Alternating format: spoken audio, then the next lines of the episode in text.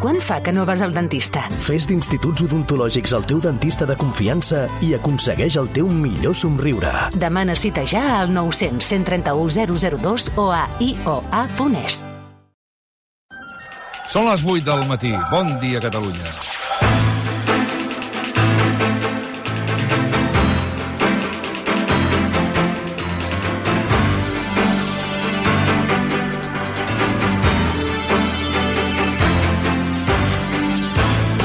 Pressupostos entre Esquerra i el PSC, noves tracturades en aquests moments per les autopistes i carreteres catalanes i, evidentment, el cas Coldo. D'aquí uns moments tots aquests temes aquí al món a RAC1, però ahir a la plaça del Rei a Barcelona va ser un escenari transversal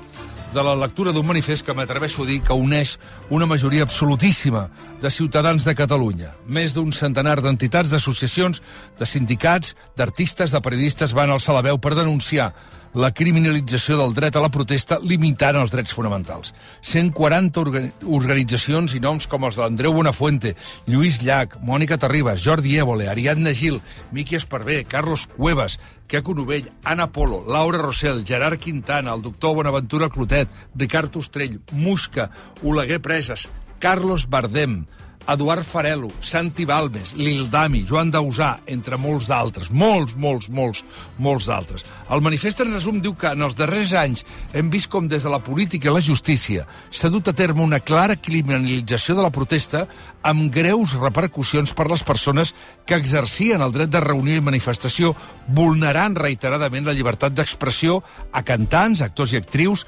obstaculitzant l'exercici del dret a la informació per part de professionals de la informació, censurant obres de teatre, perseguint l'independentisme, el feminisme, la lluita pel dret a l'habitatge, l'antiracisme, l'ecologisme i atacant el dret de vaga i la llibertat sindical.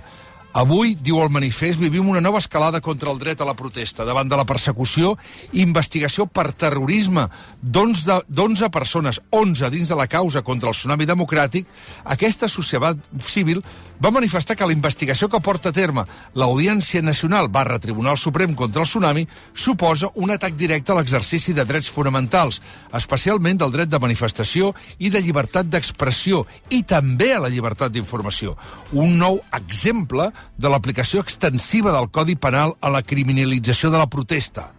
Milers de persones van sortir legítimament i democràticament al carrer per expressar el seu rebuig a una sentència que condemnava els líders polítics i socials a un empresonament injust contra el qual també s'havien pronunciat tant el grup de treball de detencions arbitràries de les Nacions Unides com el Consell d'Europa.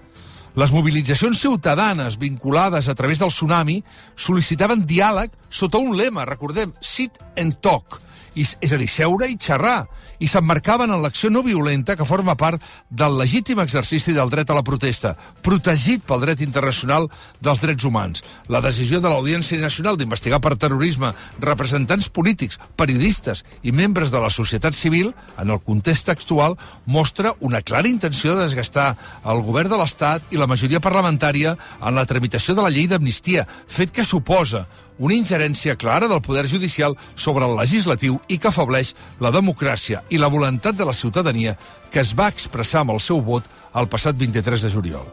Aquesta criminalització té un efecte més dissuasiu dirigit a tota la societat perquè persegueix el mecanisme principal mitjançant el qual defensen els drets i llibertats tota mena de col·lectius i d'organitzacions. Perquè és evident, i com deia el lema d'aquest manifest, protestar no és terrorisme. Són les 83 minuts, benvinguts al món.